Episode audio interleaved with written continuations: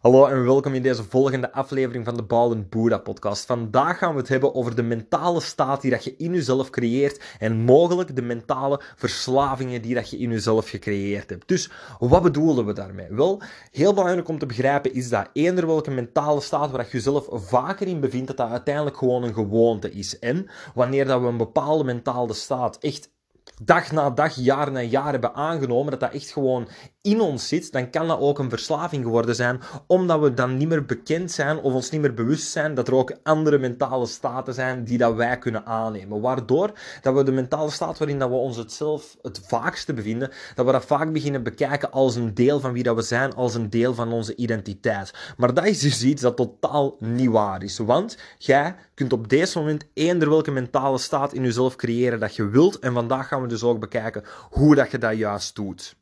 Maar dus als eerste mentale gewoontes, mentale verslavingen. Wat bedoel ik daar dan weer juist mee? Wel, wanneer dat je bijvoorbeeld mensen ziet, en deze kun je mogelijk zelf hebben, en je bent heel de tijd ongemotiveerd, je hebt geen passie, je hebt geen fut, je bent onzeker over zaken. En dat is eigenlijk een mentale staat waar je van dag tot dag in bevindt. Begrijp dan dat dat iets is dat je zelf gecreëerd hebt, net op dezelfde manier dat je soms mensen ziet die altijd vol enthousiasme zitten, vol energie zitten, die altijd gemotiveerd zijn. Weet dat dat ook een mentale staat is dat die mensen zelf gecreëerd hebben. Het ding is gewoon, wanneer dat je niet bewust bent van het feit of van de manieren waarop dat je die staat creëert, dan is dat iets dat je vaak onderbewust doet. Waardoor dat je jezelf dus ook onderbewust foute mentale gewoontes aanleert. Of laten we het eerder onwerkbare gewoontes aanleren. Want natuurlijk, het is niet slecht als je het niet expres doet natuurlijk. Dan is het gewoon iets dat je hebt voorgehad. Maar vandaag wil ik je dus bewust maken van de manieren waarop dat die mentale staat gecreëerd wordt, zodat je er zelf controle over kunt nemen. Maar begrijp dus ook dat wanneer dat je al een hele lange periode in dezelfde mentale staat zit, zonder je bewust te zijn van deze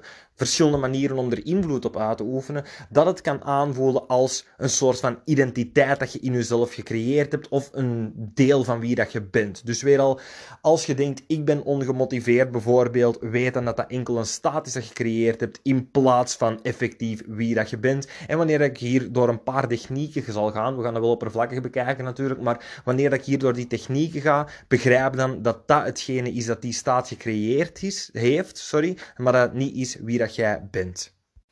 Dus het eerste ding dat hier invloed op heeft, is uw denken. De manier waarop dat je tegen jezelf spreekt, de manier waarop dat je naar de wereld kijkt, de gedachten die dat jij gebruikt om de rest van de wereld bepaalde evenementen te interpreteren. Dat kan zijn de manier waarop dat je naar jezelf kijkt, dat kan zijn hoe dat je naar de wereld kijkt. Een heel simpel ding hierin is gewoon positief denken. Als je een persoon bent die daar altijd het ding gaat bekijken op een positieve manier, betekent niet dat je tegen jezelf gaat liegen natuurlijk, maar als je de buitenwereld of een bepaald evenement op een positieve manier bekijkt, wel, dan gaat het de volgende keren ook makkelijker worden om zaken positief te bekijken, omdat dat een gewoonte is dat je hebt opgebouwd. Zeer simpel, zeer machtig. Maar op de volgende manier is ook de toon van je stem en de manier waarop dat je tegen jezelf praat ongelooflijk belangrijk. Want stel bijvoorbeeld dat je iets hebt van, ah oké, ik ga positief denken. En laten we zeggen dat je bijvoorbeeld zoiets hebt um, van, je hebt een hoop sales calls gedaan of zoiets. En je weet, oké, deze call die ik net gedaan heb, die is niet zo goed gegaan, maar ik ga dat positief bekijken. Wel, dan kan het zijn dat je zo tegen jezelf zou zeggen van, ah wel, deze call is niet goed gegaan. Maar de volgende, de volgende die, die kan nog altijd succesvol zijn. En dan zou je technisch gezien positief gedacht hebben, zoals dat je waarschijnlijk al eens geprobeerd hebt. Maar als je dat niet meer overtuigend tegen jezelf zegt en je hebt die, die positieve attitude niet mee in de manier waarop dat je spreekt, wel, dan gaat je jezelf nog altijd in een negatieve, futloze staat krijgen. Dus Zelfs al als je hier bewust van wordt en je gaat dat volledig aanpassen naar die overtuigende manier van spreken en je gaat juist een toon meer veranderen en gaat dat zelfs meer doen dan een inhoud zelf. Zo zie je vaak salesmensen die dat zoiets van, amai, deze call sukte. Wie had dat verwacht dat ik zo hard kon sukken op een call? Dat zou eerder negatief denken zijn, maar gewoon door de toon, door de attitude dat achter die interne dialoog zit, bent je uiteindelijk veel positiever bezig, bent je jezelf veel meer macht aan het geven. Dus let meer op de manier waarop dan de effectieve inhoud. Want dat is iets waar heel veel mensen mis mee lopen. Maar als je hier bewust van bent, dan gaat je dus al direct gewoon je innerlijke dialoog kunnen versterken en gaat dat je kunnen helpen om weer al een andere staat in jezelf te creëren.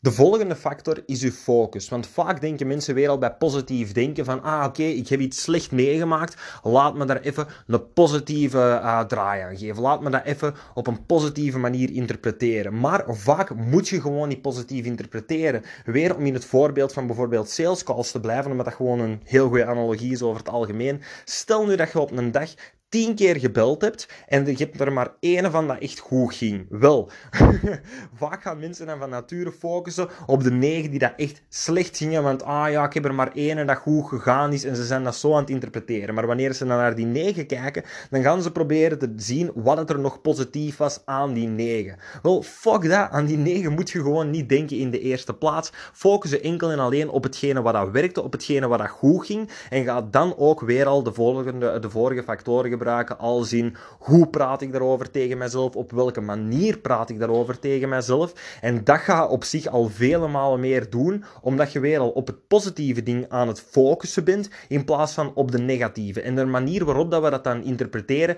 is eigenlijk secundair. Gefocust in de eerste plaats op wat er belangrijk is, en dan daarna kun je nog altijd zien, oké, op welke manier praat ik daarover tegen mijzelf, wat zeg ik daarover tegen mijzelf, enzovoort.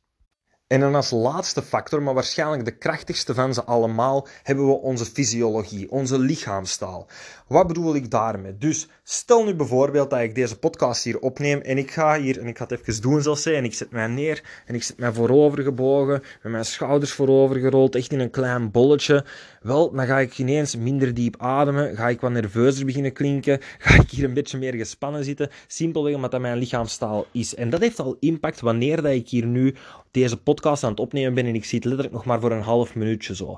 Maar vaak zie je zo mensen die dat hun hele leven lang, of jaren aan een stuk alleszins, gewoon wanneer ze over straat lopen, met hun schouders naar voren zitten, gewoon klein gemaakt, met hun hoofd naar de grond kijken. En wanneer dat je dag na dag zo loopt, of je zo ja, presenteert tegenover de wereld en tegenover jezelf wel, dan gaan je hersens ook merken van, ah ja, wij hebben een ingetogen lichaamstaal, wij zijn gewoon ingetogen. En dat werkt eraan mee. Ik, ik nodig je ook uit om deze nu te testen, want, en ik kan mij even terug rechtzetten hiervoor, even mijn lichaam loskrijgen dat ik ook volwassen ben. Dat komt direct al echt direct wanneer je lichaamstaal verandert dan. Ik zet mij hier nu recht, ik begin te spreken en ik rol mijn schouders naar achter, borst vooruit, ik adem direct dieper, ik heb een lach op mijn gezicht. Een lach is ook iets dat enorm veel invloed uitoefent op je fysiologie. En vanaf dat ik die lichaamstaal aanneem, heb ik ineens een andere mentale staat gecreëerd in mijzelf. En dat is ook iets om enorm bewust van te zijn, want hoe meer dat je een bepaalde fysieke staat aanneemt, hoe meer dat, dat invloed gaat uitoefenen op je mentale staat. En deze zijn ongeveer de drie belangrijkste factoren die dat je van eigenlijk oppervlakkig naar meer diepgaand, maar deze zijn de belangrijkste factoren dat je kunt gebruiken om die mentale gewoontes dus te creëren in jezelf. Als eerste, hoe praat je tegen jezelf? Wat zeg je tegen jezelf? Superbelangrijk. Dus je hebt zowel de inhoud als de toon van je stem of de bepaalde beelden mogelijk, als je eerder een visuele denker bent, die dat je aan jezelf um, voedt eigenlijk, om het zo te zeggen. En dan als volgende, om een laag dieper te gaan, hebben we niet enkel wat je tegen jezelf zegt en hoe dat je tegen jezelf zegt, maar in de eerste plaats gewoon waar dat je de focus op legt. Sommige dingen moet je niet op een andere manier tegen je gaan zeggen of moet je niet op een andere manier gaan interpreteren, maar moet je gewoon links laten liggen in de eerste plaats omdat het niet relevant is. Het sleutelwoord hierbij is wat werkt er? Wat helpt er u vooruit? Je moet niet over alles iets denken. Denk gewoon aan de dingen die dat u helpen om uw doelen te bereiken. Hier heb ik ook nog een andere podcast over gemaakt. Ik denk aflevering 5 Ga ze gewoon allemaal luisteren en je vindt er sowieso wat iets interessants maar dat is dus ongelooflijk belangrijk. Waar leg ik mijn focus op? Leg uw focus op de dingen die u vooruit helpen. Niet op de zaken die eigenlijk totaal niet boeien, om er dan maar een positieve uitleg aan te kunnen geven. En dan als laatste hebben we die fysiologie, uw lichaamstaal. Welke lichaamstaal creëert er een staat in u dat werkt? En dat is eigenlijk zo simpel als dat is, kun je enkel ervaren door het te proberen. Maar dus weer al, als je meer open zit, gaat je bijvoorbeeld automatisch automatisch beter voelen. Hoe meer dat je lacht, hoe makkelijker dat wordt om te lachen. Hoe meer dat je die emotie in jezelf naar boven gaat halen of die mentale staat in jezelf naar boven gaat halen.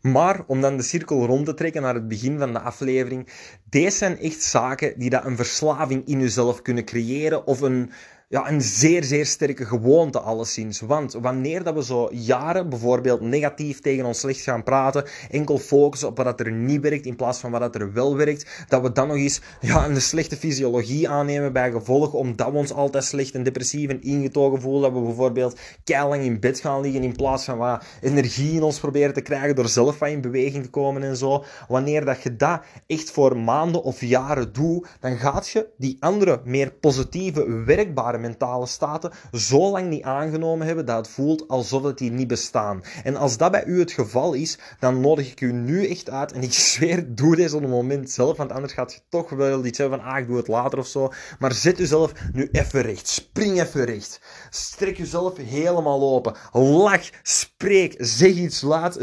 Doe jezelf wat lachen, doe jezelf wat goed voelen. Doe de snoots wat belachelijk, alsof dat je echt veel beter voelt dan dat je denkt dat je zou mogen voelen.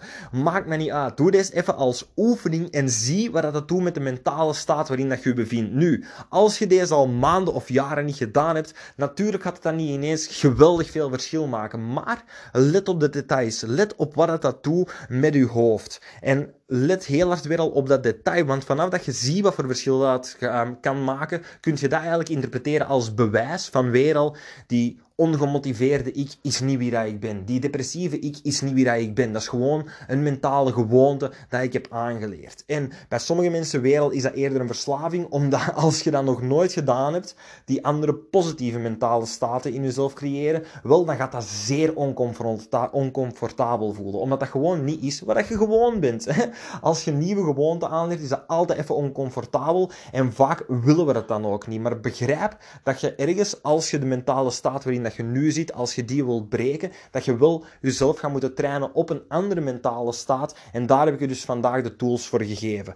Als je, als je hier bewust van bent en je, je bent nog in die verschillende staten, dan gaat het vrij makkelijk worden. Kun je er gewoon bewust van worden van, ah ja, inderdaad, Soms ben ik mezelf die gewoonten aan het aanleren, maar nu ga ik mezelf betere gewoontes aanleren. Langs de andere kant, weer als je iemand bent dat deze positieve staten al super lang niet meer ervaren heeft, weten dat deze echt een ding is dat je jezelf in gaat moeten trainen, dat je een beetje gaat moeten pushen. Het gaat oncomfortabel voelen, omdat je die, ja, om niet te technisch te gaan, maar je hebt letterlijk, um, in het Engels is deze, kan niet op het Nederlands woord komen, maar neural pathways, dat je in je hoofd hebt, bepaalde soorten gedachten gaat je makkelijker, um, gaat je gewoon makkelijker kunnen oproepen. Simpelweg omdat je ze vaker um, herhaald hebt aan jezelf.